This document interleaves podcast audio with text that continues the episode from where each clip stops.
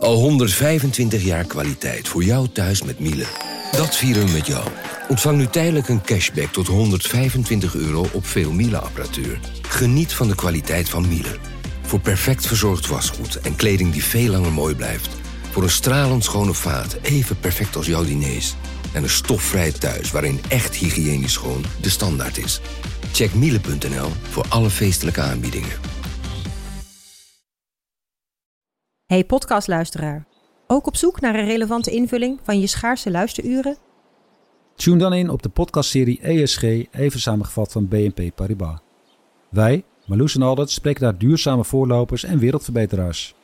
Waarover dan? Nou, bijvoorbeeld of we ooit duurzaam kunnen gaan vliegen.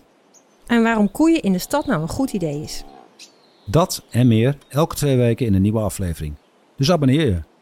ESG, even samengevat.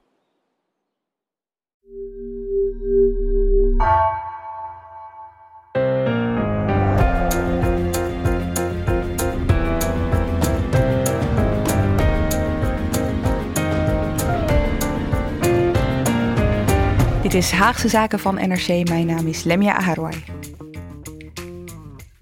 Abortus staat weer op de politieke agenda. Komende dinsdag debatteert de Eerste Kamer over een aanpassing van de Nederlandse wet afbreking zwangerschap, oftewel de abortuswet. Om precies te zijn gaat het over de abortuspil. Die mag nu alleen worden voorgeschreven door ziekenhuizen en abortusklinieken. Maar een aantal partijen, GroenLinks, PvdA, D66 en VVD, wil dat ook huisartsen de pil kunnen voorschrijven. De Tweede Kamer die nam de wet al aan. Maar er is ook verdeeldheid over die wet. En niet alleen tussen de voor- en tegenstanders van abortus, zoals je misschien zou verwachten, maar ook tussen voorstanders van abortus onderling. En daar hoor je meer over in deze aflevering van Haagse Zaken. En ook over wat er precies zou veranderen door die initiatiefwet voor vrouwen die gebruik willen maken van het recht op abortus. En je hoort waarom een deel van de voorstanders toch bedenkingen heeft bij deze wet. En dat doe ik met bij mij in de studio politiek redacteur Pim van den Dol en redacteur Binnenland Kim Bos. Welkom allebei. Dank. Kim, dit is voor jou een debuut. Jij schrijft best wel veel over dit onderwerp. Een paar voorbeelden? Ja, ik heb eerder over abortus geschreven, inderdaad. En het verhaal dat het meeste indruk op mij maakte was toen mijn collega Lieneke Nieber en ik uh, in afgelopen zomer een week hebben meegelopen in een abortuskliniek. Ja, gaan we het zo ook nog wel eventjes over hebben. En uh, Pim, ja goed, uh, jij behoeft geen introductie meer inmiddels. Maar wat ik jou wel eventjes ter verduidelijking wil vragen we gebruiken het woord initiatiefwet, maar eigenlijk is het een aanpassing van de wet. Hoe zit dat precies? Ja, dat klopt. Een initiatiefwet, dat is een, een wet, een wetsvoorstel zeg maar, dat door Kamerleden zelf kan worden gemaakt. Hè. het parlement stemt over wetten van de regering, maar mag ook zelf wetten maken. En nou ja, deze vier partijen, vier van hun Kamerleden, hebben gezamenlijk dit voorstel gemaakt om de wet te wijzigen. En als dat vanuit de Kamerleden komt, noemen we dat een initiatiefwet. Ja, oké. Okay. Kim, ik begin uh, bij jou. Want in de weekendkrant deze zaterdag uh, staat een stuk van jou en uh, Lineke Nieber over de discussie over de verstrekking van de abortuspil. Daar gaan we het vandaag dus uitgebreid over hebben. Maar je benoemde het net al eventjes, afgelopen zomer liepen jullie een week mee in een abortuskliniek. Waarom? Ja, afgelopen zomer uh, speelden er heel veel dingen in het nieuws over abortus. En het belangrijkste was denk ik dat in de VS in heel veel staten abortus verboden werd. En toen leefde op de redactie bij ons de vraag van... ja, daar moeten we iets mee doen. En hoe zit het eigenlijk met het anti-abortus sentiment in Nederland? Uh, wordt die groep mensen die er tegen is groter? En uh, nou, willen jullie daar dan over schrijven? En, uh, en nou Lineke is zorgredacteur en ik schrijf ook regelmatig over medisch-ethische kwesties. Dus toen kwam dat zo een beetje bij ons terecht. En wij dachten, ja, dan ga je eigenlijk beginnen met de meningen van mensen over abortus. Maar wij dachten, ja, hoe zit het eigenlijk in elkaar? Wat is eigenlijk het startpunt? We voelden ons niet zo comfortabel bij die meningen zonder echt ja, het startpunt uh, goed te kennen. Dus toen hebben we aan, uh, ja, gekeken bij klinieken of we konden meelopen. Zo ging dat. En was dat, is dat een ingewikkeld iets? Om te mogen meelopen? Ja. ja, dat had wel wat voeten in aarde hoor. We hadden een bepaalde kliniek uitgekozen, omdat de Mildred Clinics heet die. En uh, dat is de, een van de oudste in Nederland. En nou, die vonden we heel interessant. En de bestuurder, die was het ook wel met ons eens. Hè. Die zei van ja, wij willen eigenlijk ook precies laten zien wat we doen. En we willen het eigenlijk niet hebben over meningen. Dus daar vonden we elkaar wel, maar ze vonden het wel heel erg spannend. En we zijn een paar keer hebben we uitgebreid met haar gesproken erover. Dus ja, dat was wel lastig hoor, ja. Nou, het lukte dus. Jullie liepen een week mee. Wat zagen jullie daar? Ja, zo'n kliniek. We waren bij twee verschillende klinieken. En toen we daar kwamen, dachten we echt: dit is zo'n ja, gelaagde zorg en zo indrukwekkend wat hier eigenlijk gebeurt. Want ja, er komen gewoon vrouwen binnen en, en die gaan een abortus krijgen. En dat is heel erg ingrijpend. En ja, wij hadden gewoon het idee, ja, soms wordt dat een beetje... Wij zagen dat zelf ook over het hoofd, hoe ingrijpend dat is. En dan bedoel je ook mentaal ingrijpend? Ja, dat het heel eh, zwaar is. Nee, wat we zagen, ja, wachtkamer vol vrouwen. Het zijn eigenlijk gewoon een soort mini-ziekenhuisjes... Hè, met uh, een operatiekamer en een spreekkamer en een uitslaapkamer. Vrij uh, klinisch, wit, uh, netjes. Ja, ik meen me te herinneren dat er foto's hingen van ogen van vrouwen. Ja, een beetje ziekenhuiskunstachtige mm -hmm. dingen. En ja, daar rondliepen de, de verpleegkundigen waren vrijwel allemaal vrouwen. En, en de abortusartsen ook bijna allemaal vrouwen. En de sfeer was eigenlijk best wel warm en hartelijk. En veel vrouwen die daar kwamen, die zeiden eigenlijk ook... oeh, ik had verwacht dat ik hier boos zou worden toegesproken of zo. Oh, ja? ja, best een lieve sfeer. Ook uh, eromheen, want dat is ook iets waar je natuurlijk vaak wat over hoort. Dus demonstranten die zich begeven in de buurt van die abortusklinieken omdat ze tegen zijn. Ja, dat klopt. Bij de ene kliniek waar we waren was het verboden om voor de deur te demonstreren. Dus daar zagen we ze niet. Bij de andere werd wel gedemonstreerd en dat ging eigenlijk heel rustig aan toe. Van twee mensen die aan de overkant stonden, eh, folders uit stonden te delen. En vroeg, zeiden tegen mensen gewoon, mag ik je iets vertellen? En wat we daar ook in de kliniek hoorden, maar waar we weinig mee deden was dat die aanpassing in die abortuswet er, eraan zat te komen waarschijnlijk. En dat dat daar ook wel voor verandering zou zorgen, omdat zij nu ook veel abortuspillen uh, voorschreven. En dat was een onderwerp waar ze niet heel erg veel over spraken. Ze wilden sowieso niet echt heel erg over politieke onderwerpen spreken. Dus dat hebben we toen ook niet verder uitgediept. Maar we dachten, ja, daar willen we later nog wel mee verder. En dat gaan we dus in deze aflevering wel doen. Maar voordat we dat kunnen doen, is het wel goed om uit te leggen hoe abortuszorg in Nederland is geregeld. Ja, jullie zijn dus bijvoorbeeld in twee klinieken geweest. Hoeveel klinieken zijn er? Ja, er zijn in Nederland 16 abortusklinieken, twee zelfstandige behandelcentra en, en dan heb je ook nog de Women on Waves boot waar, waar behandelingen worden uitgevoerd. Ja, en wat me ook wel verbaasde uh, in de research voor deze aflevering is dat er helemaal niet zo heel veel artsen zijn. Nee, dat is echt een heel klein clubje, 30 en die kennen elkaar ook allemaal. En do, uh, afgelopen vrijdag was er nog een congres en dan is dat dus ook een, echt een heel klein ja, congresje. Daar heb je een klein zaaltje voor ja. nodig. En om hoeveel ingrepen gaat het? Nou, jaarlijks zijn er 30.000 abortussen. Die zijn trouwens niet alleen maar in klinieken, maar ook in ziekenhuizen. 90% van de abortussen vindt plaats in, in klinieken en uh, 10% in ziekenhuizen. Die hebben vaak een medische aanleiding. Oké, okay, dus dit is zeg maar de, de feitelijke kant, de cijferkant. Pim, hoe is het eigenlijk wettelijk geregeld in Nederland, abortus? Nou ja, alle regels zeg maar, rond uh, abortus uh, zijn dus vastgelegd in, uh, in die wet afbreking en zwangerschap. En omdat abortus van oorsprong natuurlijk uh, hè, überhaupt niet mocht, uh, heeft het altijd in het wetboek van uh, strafrecht gestaan. Daar staat het nog steeds in. Klinkt misschien heel, ja. heel vreemd, maar daar staat het nog steeds in. Maar er is dus een, een uitzondering gekomen voor natuurlijk de abortusartsen die dat onder strikte voorwaarden in de klinieken en de ziekenhuizen mogen uitvoeren. En alle uh, regels die er verder omheen zijn, dus uh, natuurlijk ook de uiterlijke grens uh, van een abortus bijvoorbeeld, die ligt op 24 weken. Zwangerschap, dat zijn ook zaken die in die wet staan en die ook door de politiek min of meer zijn bepaald. Ja, en dan gaat het dus gewoon over die abortuswet hè? en niet over de wet in het wetboek van strafrecht. Ja, klopt. Kim, als je nou gebruik wil maken van die wet in Nederland hè, en je wil gebruik maken dus van het recht op abortus, wat moet je dan doen als vrouw? Nou, als, je, als je ongewenst zwanger bent, dan, dan gebeurt het vaak toch wel uh, dat vrouwen eerst de huisarts bellen. En die verwijst ze door naar een kliniek, waar ze dan vijf dagen later ongeveer terecht kunnen. Die vijf dagen, dat is de wettelijke bedenktijd die nu nog geldt, maar die uh, vanaf 1 januari niet meer geldt. En nou, vijf dagen later, dan, ja, dan hebben ze een afspraak in die kliniek en daar komen ze dan aan. Het punt van die klinieken is wel, die zitten niet in heel Nederland. Hè? Dus als jij als vrouw uh, op Vlieland woont, dan uh, moet je eigenlijk best wel lang ja, dan moet je echt uren reizen. Dat duurt hartstikke lang. In Friesland zijn geen klinieken. En um, volgens mij ook niet in Drenthe. En uh, nou ja, dus dat zijn toch wel uh, plekken die. Uh, waar het moeilijker is om een abortus te krijgen. Maar in grote steden zijn er dan soms wel weer meerdere. Maar goed. Stel je bent dan tussen zo'n kliniek of in een ziekenhuis terechtgekomen. Er is dus een keuze Je kan kiezen of je gaat voor de ingreep of dat je gaat voor de abortuspil. Ja, dat klopt, ja.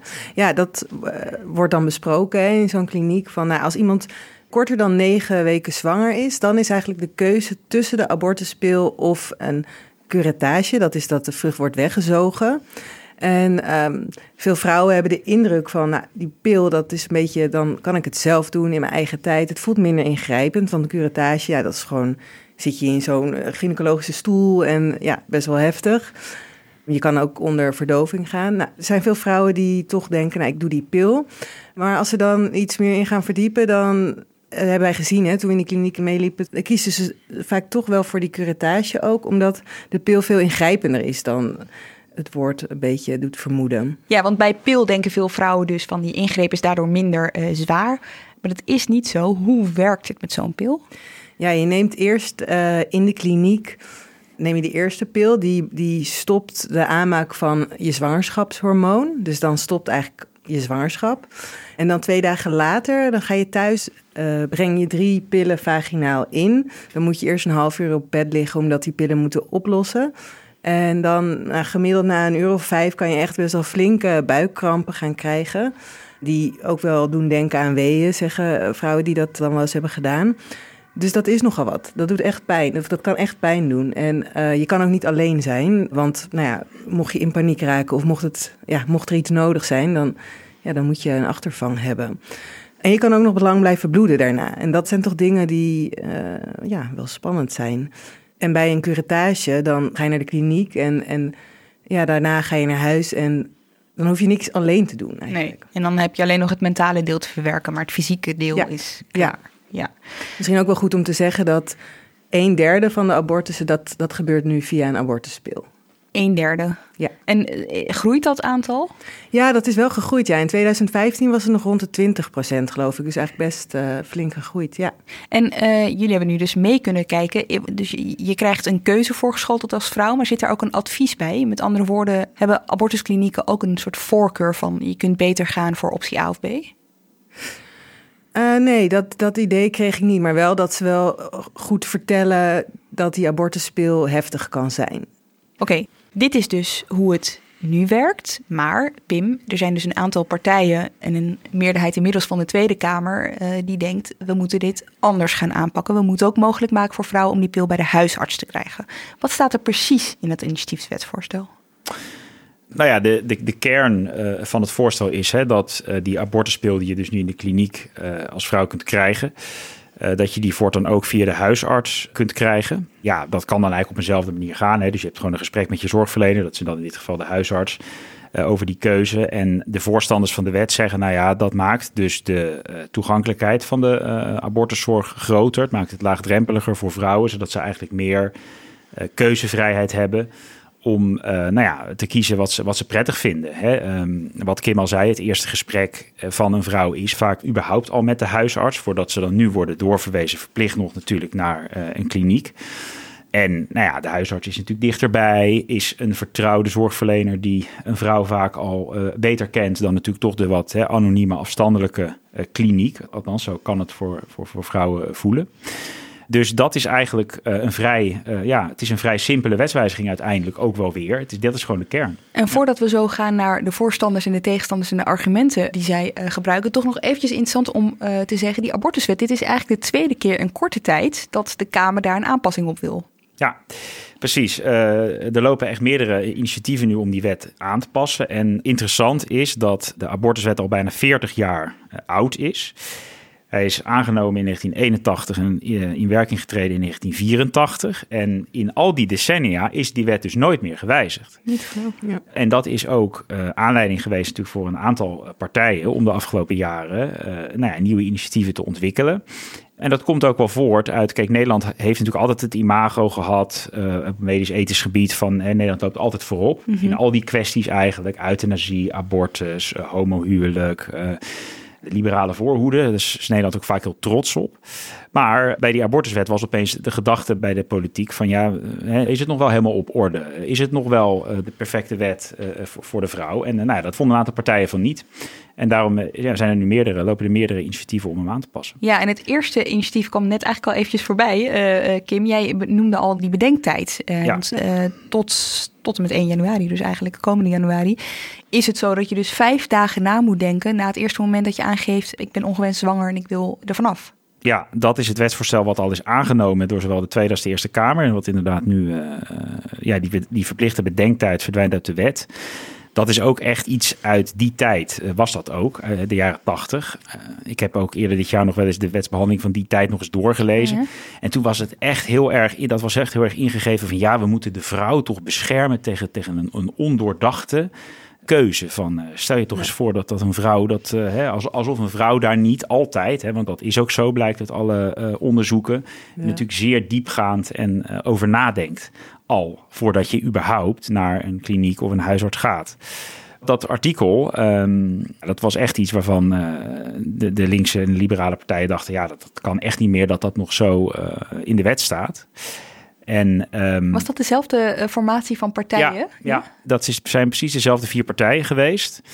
En overigens is de, uh, het idee nu van een bedenktijd verdwijnt niet, maar die verplichte wettelijke vijf dagen, die gaan eruit. En een bedenktijd is niet per se verkeerd, maar dat, die komt dan tot stand uh, voortaan in overleg tussen de vrouw en de arts. Oh ja, dus dan als die vrouw belt om te zeggen van nou, ik ben ongewenst zwanger en ik wil een afspraak maken, dan Gaat die arts dan niet vragen of zo? Nee, de, de arts uh, zal dan uh, met de vrouw overleggen van hè, is, is een bedenktijd nodig of wenselijk? En het kan ook zijn dat het meteen uh, de conclusie is van nee, nee. Oké, als u meteen geholpen wilt worden, dan kunt u mm, ja, soms zelfs vandaag nog of morgen terecht voor de abortus. Maar het kan ook zo zijn dat arts en vrouw tot de conclusie komen: het is wenselijk om, om tien dagen na te denken. Als de, de vrouw zelf zich prettig voelt bij een langere bedenktijd, dan is dat ook uh, mogelijk. Dus het wordt een flexibele bedenktijd. Dus je hebt die bedenktijd, nou dat is uh, die linkse en, en, liberale partij dus uh, gelukt. de abortuspil wordt nu dus nog door de Eerste Kamer geloodst. Maar er is nog een derde punt. Uh, waar nu ook al over gesproken wordt, van daar moeten we ook vanaf. En dat is dat het uit het wetboek van strafrecht gehaald moet worden. Ja, dat is alweer het volgende uh, initiatiefvoorstel wat is aangekondigd door GroenLinks. En er was ook een, een dacht ik, een burgerinitiatief wat het op de agenda van de, uh, van de Tweede Kamer heeft, heeft gekregen. Ja, dat is wel meer een, um, ook wel weer meer een hele principiële discussie natuurlijk. Maar de, de, voorstanders van abortus vinden ook dat iets. Dat is dus iets uit het, van het verleden eigenlijk. Dat het, dat het natuurlijk nog geregeld is in het strafrecht. Dat is natuurlijk uh, ook hè, nu om te voorkomen dat uh, iedereen bijvoorbeeld een uh, abortus zou mogen gaan uitvoeren of zonder regels, dat kan je natuurlijk ook niet hebben. Maar dat het nu nog een soort van ja, gecriminaliseerd wordt eigenlijk, doordat het daarin staat, dat is natuurlijk ook heel gek. Dus dat is nu het volgende wat, wat eraan zit te komen. Wat ik toch wel heel fascinerend vind, is, het is dus, deze wet is een soort onaangetast gebleven uh, sinds de jaren tachtig. En nu komt er best wel veel achter elkaar. Waarom ja. nu? Kun je dat verklaren? Nou ja, ik denk dat er twee belangrijke redenen voor zijn. Ten eerste is ook de afgelopen jaren is er heel erg uh, in kabinetten afgesproken, omdat er natuurlijk christelijke partijen meeregeerden, met name de ChristenUnie, dat er op dit vlak uh, ook gewoon niks zou gebeuren. Dus Edith Schippers, minister van de VVD, heeft in 2016 bijvoorbeeld al geopperd om de abortuspil voortaan via de huisarts ook uh, te gaan verstrekken. Dat was Rutte 2, hè? PvdA, VVD? Ja, precies. Dat had ze misschien al uh, wat eerder in haar termijn moeten opperen of moeten regelen. Want die wet het, kwam niet meer op tijd, want uh, dat kabinet was toen al richting het einde. Ja. En toen werd in de formatie van het kabinet Rutte 3 werd dus afgesproken van we hè, op medisch-ethisch gebied mag er niks veranderen. Dus dat was natuurlijk het compromis tussen D66 en ChristenUnie dat er stilstand zou komen. Dus dat die wetgeving, abortus, euthanasie, noem het op, gewoon onaangetast moet blijven. En de PvdA zat niet meer in Rutte 3. En Lodewijk Asscher, toen nog partijleider, fractievoorzitter van die partij, die had er ook al wat vragen over toen tijdens het debat over het regeerakkoord van Rutte 3. Vorige keer stelde ik de vraag, een serieuze vraag aan Mark Rutte, toen nog als VVD-leider en onderhandelaar. En dat was, zijn er ook afspraken gemaakt over de abortuspil. Er was namelijk over gerapporteerd in een aantal kranten. Dat werd toen stelselmatig en absoluut ontkend. Nu verschijnt het nieuws, de nieuwe coalitie zet een streep door die abortuspil. Is dit zo'n detail dat wel is afgesproken, maar niet in de tekst staat? Dan kunt u het beter nu zeggen. En Alexander Pechtold, ja, het zijn allemaal inmiddels mensen die uit de politiek verdwenen zijn, terwijl het helemaal niet zo heel lang geleden is nog. Maar Alexander Pechtold van uh, D66, uh, die antwoordde er toen ook op en die zei dat zowel de christelijke partijen als de liberale partijen bezwaren hebben gehad tegen het wetsvoorstel van Schippers. Over de abortuspil, daarvan waren alle vier de partijen niet tevreden met het wetsvoorstel zoals er nu lag. Sommigen vanuit hun christelijke achtergrond, omdat ze niet vonden dat de abortuspil überhaupt natuurlijk ter, misschien ter beschikking zou worden gesteld. Liberale partijen hadden daar moeite mee omdat ze zeiden dat brengt dermate veel rompslomp voor de huisarts met zich mee. Namelijk, die moet zich dan ongeveer gaan certificeren als een abortuskliniek. En dat wetsvoorstel trekken we dus in. Ja, toen was volgens mij ook een van de dingen waarop het. Dat was inderdaad een van de dingen waarop het niet doorging, is dat die huisartsen dan die vergunningen moesten hebben. En dat zou allemaal heel veel gedoe opleveren. En toen dacht Ellemeet, een van de initiatiefnemers van de wet, die dacht van nou, wat, misschien kunnen we nu wel iets bedenken waardoor zo'n vergunning niet nodig is eigenlijk, toch Pim? Ja, dat is er inderdaad aan veranderd nog ten opzichte van die tijd. Ja, ja maar goed, dit was dus uh, Rutte 3. Daar zat de ChristenUnie bijvoorbeeld ook, uh, die deed ook mee. Kijk, ze hadden natuurlijk ook gewoon kunnen besluiten, we pakken Schippers nog een keer bij. Uh, we onderhandelen nu aan de formatietafel, we gaan het toch anders doen. Maar ze besloten eigenlijk om het gewoon eventjes... Te parkeren. Te parkeren. Ja. Precies, dus, dus voor die beide hè, wetten waar we het net over hadden, die beraadtermijn en de abortuspil, gold is dat die eigenlijk jarenlang ja, heeft het gewoon stilgelegen. Was politiek onhaalbaar om die überhaupt uh, naar de Kamers te brengen. Maar Rutte 4 bestaat uit dezelfde partijen ja, toch veranderd was. Precies, dus dat is opmerkelijk. Maar uh, de reden daarvan is dat eigenlijk met name D66 en ook de VVD wel niet nog vier jaar lang konden en wilden accepteren dat er op medisch-ethisch terrein helemaal niets zou kunnen veranderen. Dus de ChristenUnie en het CDA een beetje, maar uh, daar hebben we het straks nog over. Die zijn een beetje aan het uh, schuiven soms, interessant genoeg. Die hebben zich erbij moeten neerleggen dus dat het nu gewoon initiatiefwetsvoorstellen van Kamerleden, hè, die mogen dus gewoon nu naar de Kamers komen. Dat is afgesproken in het nieuwe coalitieakkoord. En het zijn dus daarmee vrije kwesties in, in het parlement. En interessant genoeg, er zijn heel veel partijen voorstander van deze aanpassingen. Want bij de stemmingen uh, in de Tweede Kamer dit jaar uh, sprak een tweederde meerderheid van de partijen zich voor deze aanpassingen uit. Voor allebei de aanpassingen? Ja, ja. Oh ja, dat is wel interessant. Ja, oké, okay. jij zei net, ik heb twee redenen waarom het nu wel gebeurt. Oh, sorry. Uh, een beetje, een beetje lang verkocht. nee, nee, helemaal niet. Dit is dus de eerste. Ja. Uh, de tweede heeft ook een internationale reden, zou je kunnen zeggen. Ja, uh, Kim haalde dat ook al even aan. Um, je hoort die voorstanders ook wel zeggen van... Hè, het is nu ook weer het momentum om in Nederland gewoon te kijken, kritisch naar onze wet te kijken, met alle uh, verslechteringen uh, in het buitenland. Verenigde Staten is genoemd, Polen, uh, nou, wel meer landen. Dus ja, er is ook een soort urgentie of zo die weer gevoeld wordt rond dit thema van we moeten echt er weer werk van maken. En dan is het dus wel interessant, vind ik persoonlijk, dat Nederland wel degelijk, want ik noemde net die twee keer die tweederde meerderheid, dat Nederland dus juist de kant op beweegt van uh, modernisering, verruiming juist van abortuswetgeving, terwijl dat internationaal dus heel anders ja, loopt. Tegenstelde beweging. Ja. Ja, dat vind ik ook wel interessant, ja. Ja, dat zeggen sommige mensen die Lineke en ik hebben gesproken ook... van ja, we willen eigenlijk weer voorop lopen. Hè? En mm. dat klinkt dan toch alsof dat met die aanpassingen weer een beetje zo zou kunnen zijn. Zeker. Uh, en als dat derde voorstel het ook nog haalt... het uit het wetboek van strafrecht zou verdwijnen... dan, dan is er opeens in een paar jaar heel veel veranderd. Oké, dit verklaart dus uh, waarom het nu allemaal gebeurt, die wijzigingen. Laten we het nu hebben over het debat over de abortuspil. Want eigenlijk is dat debat een beetje ongewoon. Het gaat namelijk niet over ben je voor het recht of ben je tegen het recht op abortus. Ik zei het helemaal aan het begin ook al. In dit geval zijn ook voorstanders van abortus verdeeld over de vraag: moet het wel of niet gebeuren, deze wijziging? Kunnen jullie voor mij in hoofdlijnen schetsen wat denken de voorstanders en wat denken de tegenstanders? Uh, ja, de voorstanders, die, eh, het belangrijkste argument van de voorstanders is, is eigenlijk heel simpel. Als er meer aanbod is, uh, hebben vrouwen ook meer te kiezen. En, en dat is ook wel wat een huisarts zegt die wij spraken, Peter Leusink. Mijn naam is Peter Leusink, ik ben huisarts, daarnaast ook seksoloog en VVS. En ehm, voorzitter van de expertgroep Seksuele Gezondheid van het Nederlands Huisartsgenootschap. De belangrijkste reden waarom ik voorstander ben van deze wetswijziging is dat het keuzevrijheid biedt aan uh, vrouwen. Dat zij bepaalt of ze naar een abortuskliniek gaat of naar een, uh, een huisarts. En dat dat niet uh, wordt ingegeven door, eh, door de wetgever. Dat je dus een verbreding krijgt van die abortuszorg naar ook de eerste lijn. Het zou het dus eigenlijk laagdrempeliger maken voor vrouwen. Ja, ja, dat is wat de voorstanders uh, ervan, ervan hopen. En ja, Leusink noemt nog een argument dat ook mee kan spelen.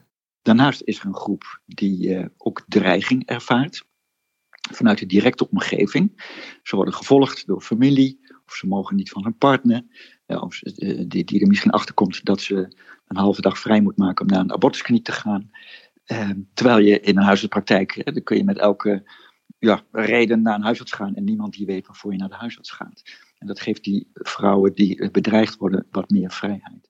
En is dit nou representatief voor de huisartsen? Zijn die in grote getallen voor? Valt daar wat voor te zeggen?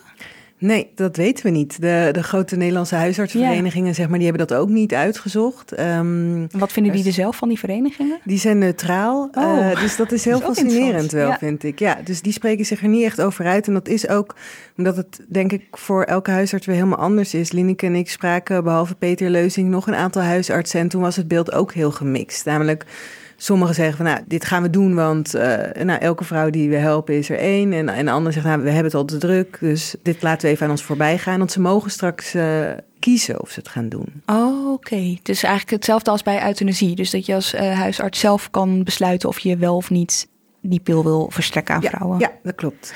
Over, overigens is dat wel uh, toch nog een, een, een, vraagteken wat je zeg maar, bij het voorstel dan kan plaatsen. Want het argument, dus het wordt laagdrempeliger voor vrouwen gaat wel uit van een grote bereidheid bij huisartsen om dit te gaan doen. Want als uh, huisartsen zeggen: ja, sorry, uh, ik wil dit principieel niet, of ik heb het te druk, dus ik ga het niet doen dan bestaat het risico dat vrouwen bij de huisarts komen straks en daar te horen krijgen dat zij dus toch niet uh, de abortuspil kunnen krijgen. En dan moet je toch naar een kliniek. Ja, dan moet je Precies. Dus hoe dit in de praktijk gaat uitwerken is nog wel een vraag. En ik heb ook van uh, Eerste Kamerfracties deze week begrepen dat zij dit ook nog een interessant punt vinden. hoe weten vrouwen straks of hun huisarts, of ze bij hun huisarts terecht kunnen. Daar is nog niet echt iets uh, voor geregeld. Ik zit me wel te bedenken, eh, hier op het Binnenhof heb ik de afgelopen tijd nog wel eens huisartsen zien staan, demonstreren. Een petitie volgens mij een keer aangeboden aan uh, Ernst Kuipers, de minister van Volksgezondheid, omdat die werkdruk zo hoog is.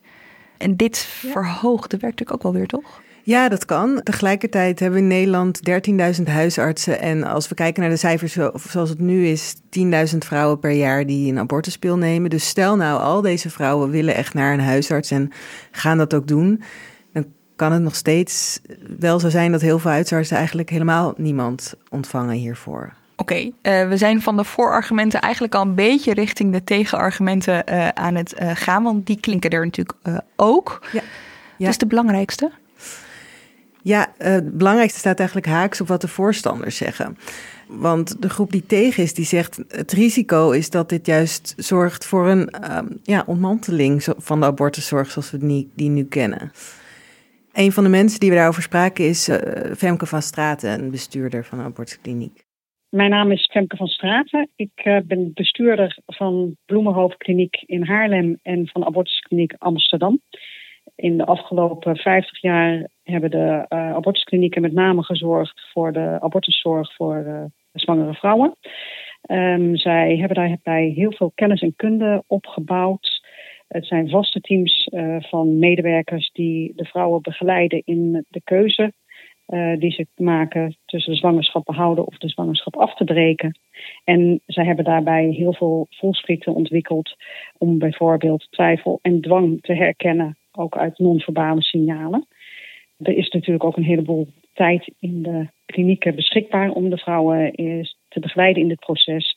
En ik vraag mij sterk af of daar deze tijd er ook is bij eh, de huisartsenpraktijken die sowieso al onder druk staan. Ja, wat ze eigenlijk zegt is, uh, kunnen die huisartsen dat wel? Hè? Ja, en wat hoor je dan weer terug van huisartsen? Is dit, is dit ook een beetje wisselend, maar het overheersende beeld is wel, nou ja, het is ook weer geen rocket science. Dat zei een huisarts ook letterlijk tegen ons.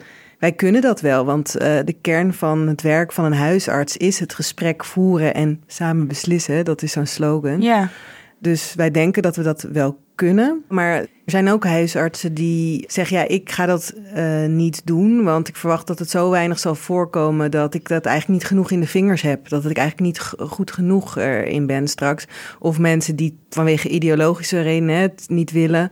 Of huisartsen die wel zeggen van nou, ik vind te veel rompslomp en te veel gedoe. Maar is de bedoeling, want dit roept bij mij wel de vraag op van uh, als die huisartsen dit uh, straks mogen, hè, stel je voor dat dit wordt aangenomen in de Eerste Kamer, krijgen ze dan trainingen of zo? Ja, dus uh, dat staat ook in het uh, wetsvoorstel dat uh, de huisartsen jaarlijks moeten worden, ja, bijscholing moeten, moeten doen. En dat is wel bijzonder, toch, Pim? Want volgens mij is dit de enige verplichte bijscholing die zo specifiek genoemd wordt. Hè? Ja, volgens mij inderdaad wel. Maar ze krijgen dus echt een verplichte scholing wel. Dus dat moet ervoor zorgen dat die, die expertise aanwezig is in het licht van deze, ik heb nog het, advies van de Raad van State, past hier wel goed bij. Want eigenlijk gaat de discussie uh, tussen die zorgverleners over, ja, moet je een, stelsel wat eigenlijk gewoon goed functioneert, moet je dat gaan aanpassen? En de Raad van State was daar dus heel kritisch over. Die zeiden, het huidige stelsel functioneert in de praktijk goed en zorgvuldig. Als je zo'n stelsel wil veranderen, moet je daar eigenlijk uh, zwaarwegende argumenten voor aanvoeren. En de uh, ja, Raad van State zei van het argument van de band van de vertrouwde huisarts met de patiënt Achterraad van State ontoereikend om afbreuk te doen aan uh, het huidige stelsel en de praktijk. Dus de Raad van State, die natuurlijk altijd wel serieus wordt genomen door, door beide kamers, maar ook lang niet altijd wordt, uh, wordt gevolgd. Ik net zeggen, nee, nee.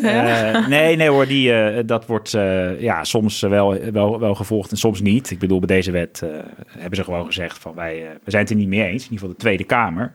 Maar eh, de Raad van State ziet dus eigenlijk geen zwaarwegende argumenten om een, ja, een goed functionerend stelsel aan te passen. En ik bedoel, daar is iedereen het over eens. De abortuszorg in Nederland is op zich heel goed. Heeft de Tweede Kamer iets gedaan met dat advies van de Raad van State? Ja, de, de initiatiefnemers hebben zeker nog een aantal zaken aangepast uh, in hun wetsvoorstel. Uh, de Raad van State was bijvoorbeeld ook kritisch op het feit, hè, de abortuswet is altijd een, een compromis geweest tussen hè, de bescherming van het, ongeboren leven en de keuzevrijheid van de vrouw. En de Raad van State vond dat er in de wet uh, te weinig waarborgen zaten nog voor een uh, zorgvuldige besluitvorming, ook als de vrouw bij de huisarts komt en een abortus wil. En uh, daar hebben ze dus nog iets toegevoegd. Ja, inderdaad. Wat ik van een van de initiatiefnemers, Corinne Ellemeet, begreep, is dat ze naar aanleiding daarvan bijvoorbeeld uh, meer nadruk uh, hebben gelegd op het gesprek dat de huisarts met de vrouw moet voeren om te bepalen of zij bijvoorbeeld niet wordt gedwongen of om te bepalen of zij echt achter haar keuze staat. En uh, dat verplichte nascholing die dan jaarlijks moet gebeuren er, erbij is gekomen. Wat ik wel interessant vind aan de argumentatie van, van Straten, die dus bestuurder is van de klinieken, is dat er ook nog een financieel argument is dat zij geeft. De abortushulpverlening is op dit moment ondergebracht in uh, abortusklinieken, uh, met name. Uh, zij worden gefinancierd op basis van aantal behandelingen. Als een substantieel deel van de behandelingen bij de huisarts terechtkomen, dan heb je grote kans dat de abortusklinieken niet uit de kosten komen en dat een aantal klinieken mogelijkerwijs zelfs de deuren zal moeten gaan sluiten. Dit is eigenlijk heel paradoxaal. Hè? Dus eigenlijk zegt zij een wet die het laagdrempeliger zou moeten maken voor vrouwen om gebruik te maken van het recht op abortus, die zou het tegelijkertijd moeilijker voor ze kunnen maken, omdat het aantal klinieken naar eh, beneden zou kunnen gaan. Ja, stel je voor dan, uh, want er zijn natuurlijk ook altijd nog vrouwen die een curettage willen. Ja. En die moeten natuurlijk ook een plek hebben waar ze terecht kunnen. Dat zijn de allermeeste die dat eh, op die manier doen. En dat kan ook alleen maar op die manier na negen weken. Een bestuurder van een abortuskliniek die we spraken, die zei... ja, wat de anti-abortuslobby al die jaren niet is gelukt... dat uh, gaat de Kamer nu misschien wel lukken. En de angst is eigenlijk dat stel straks gaan veel meer vrouwen naar de huisarts. Dat betekent dat klinieken veel minder behandelingen gaan doen, terwijl zij om rond te komen 2000 behandelingen per jaar moeten doen. Ja, dat gaat dan misschien niet meer lukken. En dat is de angst. Dit zijn dus uh, de argumenten die klinken in het werkveld. Hè? Uh, dan wel voorstanders, dan wel tegenstanders. Uh, Pim, hoor jij hier veel terug van wat je ook eerder in de Kamer hoorde? Ja, zeker wel. Ik denk dat politiek gezien valt het op dat je hebt natuurlijk de vaste partijen die hier altijd tegen zullen pleiten. Dus eh, denk aan uh, de ChristenUnie en de SGP. Nou, die vinden de, iedere, uh, ja, wat je als een versoepeling zou kunnen zien van abortuswetgeving, daar zijn zij natuurlijk op tegen. Interessant is overigens wel, misschien is het goed om hier te noemen, dat de abortuspeel in andere landen, waar die al via de huisarts te verkrijgen is, heeft bijvoorbeeld niet geleid tot een stijging van het aantal abortussen. Dat is wel iets waar vanuit christelijke hoek wel eens voor wordt gewaarschuwd, maar dat blijkt dus eigenlijk uh, ongegrond te zijn. Wat verder, wat ik toch wel uh, opvallend vind, um, is dat bij deze discussie over de abortuspil is het eigenlijk, zie je niet zo die hele, dat hele principiële politieke debat speelt wat minder. Bij zo'n bedenktijd bijvoorbeeld ging het heel erg nog over, ben je voor of tegen abortus? En werd het een beetje daar, echt het debat rond daar gevoerd. Maar hier is het eigenlijk veel meer een inhoudelijk debat over, is dit nou een goede wet of niet? En hoe pakt het in de praktijk uit? Ja. Het is um, eigenlijk ook een soort praktisch iets bijna, hè? van uh, iets dat er al is. Precies, Daar gaat de discussie precies. niet over. Moet die abortuspil uh, wel of ja. niet uh, afgeschaft worden, maar waar kun je hem krijgen? Ja. ja. Maar zag je dat dan ook terug in het debat? Of gingen partijen toch gebruik maken van dit voorstel om die ideologische discussie wel weer nou, dat, te voeren? Dat viel me wel mee eigenlijk bij dit debat. Wat me verder in de uh, Kamerdebatten uh, is opgevallen, is dat hoewel dus een hele grote tweederde meerderheid uh, van partijen hè, de verruimingen van de abortuswet steunt, ook het kamp van tegenstanders wat groter wordt. En dat is met name uh, opvallend bij Forum voor Democratie. Die hebben zich, uh, dat was ook vooral in het debat over de bedenktijd, uh, nou ja, haalden ze bijna de SGP rechts in met verzet tegen abortus. Kamerlid Pijn van Houwelingen, wat, ja, die daar behoorlijk opvallend over tekeer ging voor een partij die we toch kenden als een seculiere rechtse conservatieve partij. Maar zij hebben zich heel erg in dat debat gemengd. Maar ook bijvoorbeeld eh, Caroline van der Plas van de Boer-Burgerbeweging heeft ook moeite met deze wetgeving. Heeft ook eh, tegen de beide voorstellen gestemd. En uh, een partij als Ja21 bijvoorbeeld stemde er bij die bedenktijd in ieder geval verdeeld over. Dus zo zie je wel dat. En de PVV stemt vaak verdeeld. Daar is het altijd een vrije kwestie. Dus zo zie je wel dat er, nou dat er toch ook wel wat meer tegenstanders bij komen. En Pim, is het in die debatten ook nog gegaan over, over die financiering?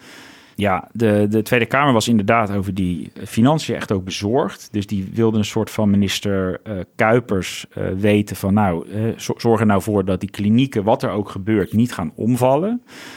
En hij heeft niet de garantie willen geven dat geen enkele kliniek hè, misschien zal verdwijnen. Dat maakt het gewoon extra spannend wel, ja. toch? Ja, zeker. Ja, want minister Kuipers zei bijvoorbeeld wel in het Tweede Kamerdebat, dat, de, dat vond ik toch ook wel een, een opvallende quote, hè, dat de, eh, de gevolgen van deze wet voor de abortuszorg, dat de impact volkomen onduidelijk is wat hem betreft. Ja, ja. dat is best wel uh, spannend dus voor... Ja, ja dat, dat is ook een van de dingen die Lineke en mij uh, het meest verbaasde eigenlijk, dat er eigenlijk geen onderzoek is dat zegt... Ja, er is meer nodig. Vrouwen hebben behoefte aan die pil bij de huisarts. Um, dat weten we helemaal niet. Oh nee? Nee, gek hè? Is hier nooit onderzoek naar gedaan? Nee, geen representatief onderzoek. Het, en, daarom, en ik denk dat daarom ook de um, verschillende groepen een beetje tegenover elkaar komen te staan. Omdat die eigenlijk vanuit hun eigen ervaring heel erg spreken. En, uh, maar dat er geen goed overzicht is naar wat er, uh, wat er nou precies uh, gewenst wordt. Maar goed, dit is eigenlijk allemaal geweest. De Tweede Kamer heeft zich er al uh, over uh, uitgesproken. Uh, nu is de Eerste Kamer aan de beurt. Dat gebeurt dus komende dinsdag. Misschien nog wel eerst goed om te bespreken hoe dat dan gaat. Want het is een beetje een ongewone situatie. Hè? Als Kamerleden met een initiatiefswetsvoorstel komen, dan ja. mogen zij plaatsnemen. Precies, in de Tweede Kamer noemen we dat natuurlijk vak K, waar de kabinetsleden zitten. Ik weet eigenlijk helemaal niet, Lemja, misschien weet ja, jij dat. Maar um, heeft dat in de Eerste Kamer ook ja, een naam? Ja, heb ik laatst gevraagd toen daar de politieke beschouwingen waren. Regeringstafel of zo, zoiets. Okay. Ja. Dus daar mogen nu in plaats van, uh, nou ja, dat er normaal de kabinetsleden zitten, uh, zitten daar nu vier Tweede Kamerleden in de Eerste Kamer hun eigen wet uh, te, te verdedigen. Minister Kuipers is er ook bij, maar zijn rol is anders. Hij is adviseur van het parlement. En hij heeft dus ook geen mening over de wet. Dat is wel interessant, omdat het dus een initiatief is uit de Kamer stelt het kabinet zich altijd neutraal op. En, en Kuipers zal er dus alleen zijn om vragen over bijvoorbeeld de gevolgen van die wet vanuit de praktijk te, te beantwoorden. En wat zijn verwachtingen zijn. En of hij denkt dat er problemen kunnen ontstaan. Maar officieel is het kabinet uh, neutraal en is het aan de Kamer uh, om hm. te beslissen. Uh, wat ook nog wel opmerkelijk is, is dat um, de strekking van dit voorstel toch wel wat ingaat tegen de, de beweging die, die Ernst Kuipers zelf eigenlijk uh, in het zorglandschap wil bewerkstelligen. Namelijk veel meer concentratie van zorg. Uh, specialisatie echt in bepaalde ziekenhuizen en klinieken. Niet meer overal alle behandelingen. En met deze wet wordt de abortuszorg juist zeg maar, verdeeld onder meerdere zorg, zorgverleners. En is er juist geen sprake van die, van die concentratie. En het interessante is dus, nou, dit wetsvoorstel ligt voor in de Eerste Kamer, hè, heeft, uh, laat ik het zo zeggen, oorspronkelijk de rol om uh, wetten te bekijken met een uh, toch wel een soort van constitutionele blik. Hè, van de toetsen, klopt deze wet wel? Is het echt nodig? Hoe zit het met de uitvoerbaarheid? Jij noemde net al eventjes dat de Raad van State eigenlijk vindt, deze wet is niet nodig. Dat zal ja. daar toch wel op een andere manier meewegen dan in de Tweede Kamer. Ja, dat zou je denken. De, de Eerste Kamer neemt dat soort uh, adviezen vaak wel wat serieuzer. En kijkt heel erg gewoon naar de kwaliteit van wetten. En initiatiefwetten, overigens, sneuvelen ook in de Eerste Kamer wel vaker. Vaker dan wetten dan van de regering. Dat komt wel iets vaker voor. Dat, dat weet, ik, weet ik wel. En valt er al iets te zeggen over hoe het daar verdeeld is? Ja, we kunnen even met jouw zetel-app uh, aan de ja, slag. Het is echt serieus. Dit is, een, dit, is, dit is een gouden tip. Het heet de Zetelverdeler Kenniscentrum voor Beleid en Regelgeving. Even downloaden als je soms gewoon wil optellen. En dan kun je kiezen tussen de Eerste Kamer en de Tweede reclame? Kamer. Wat? Nee, ik heb hier totaal geen belang in. Het is overigens van het ministerie voor Justitie en Veiligheid. Ik, ik weet echt, de achtergrond van deze app ken ik verder niet, maar het klopt wel. Dus dan klik ik even op Eerste Kamer. Voordat we gaan tellen is het uh, is goed om even uit te leggen dat bij uh, dit soort wetten vaak niet altijd, maar vaak in fracties, omdat het een medisch-ethisch onderwerp is, afwijkend mag worden gestemd. Dus normaal stemt een fractie altijd unaniem voor of tegen een wet. Bij medisch-ethische wetgeving uh, laten veel fracties dat uh, vrij. Dat betekent dat de uitslag daarmee wel onzekerder kan worden. Zag je overigens ook al in de Tweede Kamer, hè? want ik, ik kan me herinneren van de VVD dat bijvoorbeeld Daniel Koerhuis en Tjeddy Aartsen anders stemden dan de rest van hun fractie. Ja, dat klopt. Dat ging dus over die bedenktijd. Dus bij de VVD is toen besloten: dit is een vrije kwestie in onze fractie. En waren er inderdaad een, paar uh, nou ja, dissidenten, kunnen we ze noemen. Uh, dat was ook wel interessant hè, tegen hun voorstel van Precies. hun eigen fractie. Ja. Oké, okay, terug naar de Eerste oh, Kamer. Ja, maar, maar, maar. Um, ik heb begrepen dat de VVD-senaatsfractie uh, heeft al afgelopen week vergaderd over deze wet. En die hebben gezegd, um, nou, wij zijn het gewoon eens. Wij vinden dit een goede wet. Dus wij zien uh, geen noodzaak om er een vrije kwestie van te maken. Dus dat is heel goed nieuws voor de initiatiefnemers. Want dat betekent dat de VVD is de grootste partij in de Eerste Kamer. De twaalf zetels van de VVD al zijn verzekerd. Oké, okay. ah, okay, dus, maar dat mag dus. Dat, dat wist ik niet. Dus als iets een vrije kwestie is, mag je alsnog afspreken van wij doen het wel allemaal ja, hetzelfde en dan houdt iedereen zich daar ook aan? Of? Uh, kijk, er zal wel, hè, de, er wordt vaak een hoofdelijke stemming gevraagd, dus dan mogen alle Kamerleden wel zelf voor of tegen zeggen.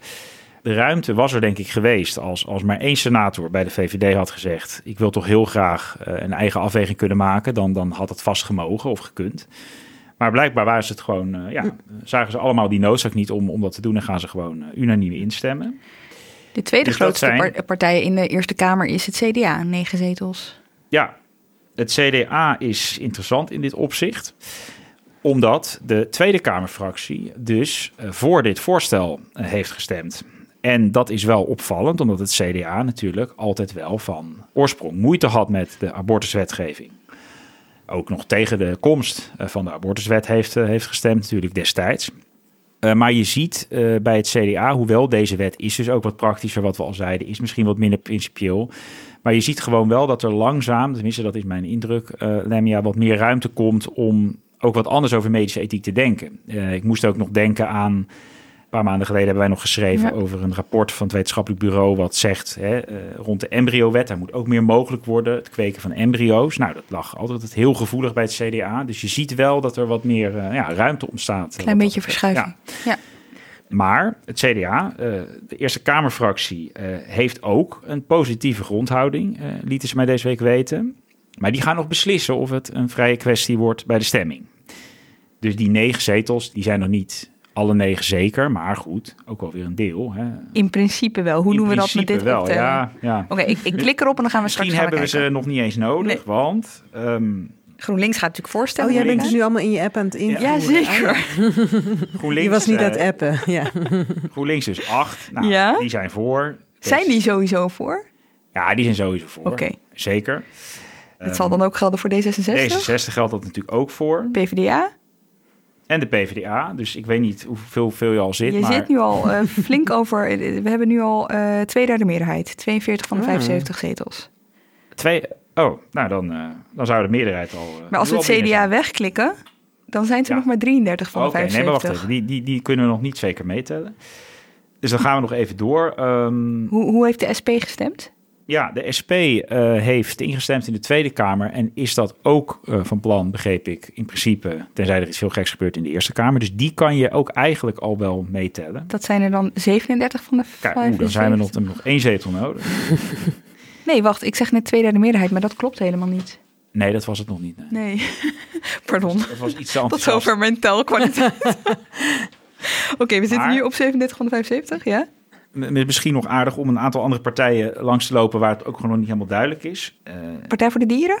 ja, die verwacht ik wel dat ze ook voor zijn. Die zijn in principe altijd voor dit soort zaken. Dus, dus dat zijn Dan er hebben ze drie, dus dan meerderheid. heb je de meerderheid. En dan zelfs nog zonder het CDA. Dus Precies, dan hebben we VVD, precies. D66, GroenLinks, PvdA, SP, Partij voor de Dieren.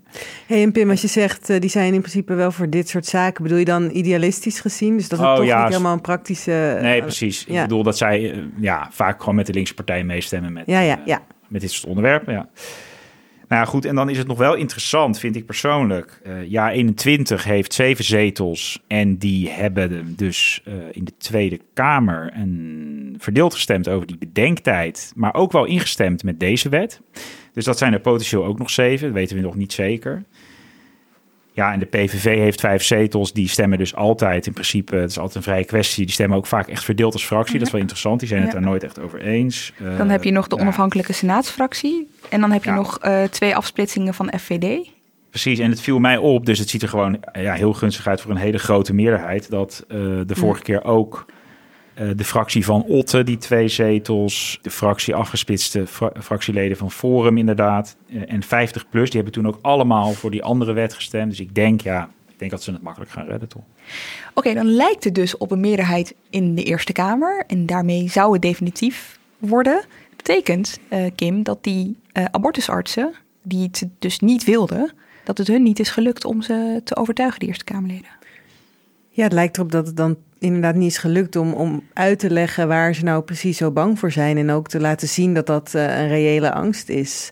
En ehm, ja, dat in een brandbrief die ze stuurde, zeiden ze bijvoorbeeld ook dat, eh, dat deze aanpassing van de wet een oplossing is voor een eh, niet bestaand probleem. Maar ja, die boodschap is dan niet helemaal overgekomen. Volgende week, Pim, heeft dus de Eerste Kamer het erover. Ehm, en wanneer stemmen ze er dan over? Ja, eh, komende dinsdag is dus het debat en dan wordt in principe een week later eh, over het wetsvoorstel eh, gestemd. En nou- Hoofdelijk dus vermoedelijk. Stel nou dat het er doorheen komt, wanneer gaat het dan eigenlijk in? Want dan is januari is te vroeg, neem ik Ja, het is veel te vroeg sowieso. De vraag is, begreep ik, van de initiatiefnemers of de wet dan zal ingaan op 1 juli volgend jaar of pas op 1 januari 2024. Het werkt in principe zo, als zo'n wet eh, wordt aangenomen in de Eerste Kamer, gaat het kabinet uiteraard moet het dan gaan regelen. Dat is grappig, het is niet hun eigen wet, maar die moet het dan wel gaan regelen. En dan hangt het gewoon af van de praktijk en de uitvoeringskwesties, hoeveel tijd er nodig is voor, voor voorbereiding. En dan zullen natuurlijk ook de abortusartsen en de huisartsen weer eh, nauw betrokken moeten zijn om te kijken hoe ze dat eh, toch onderling gaan oplossen. We gaan het zien. Dank jullie wel voor nu. Pim van der Dol en Kim Bos. En jij ook bedankt voor het luisteren. Redactie en productie van deze aflevering waren in handen van Ignaas Schoots. Montage door Pieter Bakker. En volgende week zijn we er weer. Heel graag tot dan. Technologie lijkt tegenwoordig het antwoord op iedere uitdaging. Bij PwC zien we dit anders. Als we de potentie van technologie willen benutten, kunnen we niet zonder een menselijk perspectief. Human-led, tech-powered noemen we dat. Ga naar pwc.nl.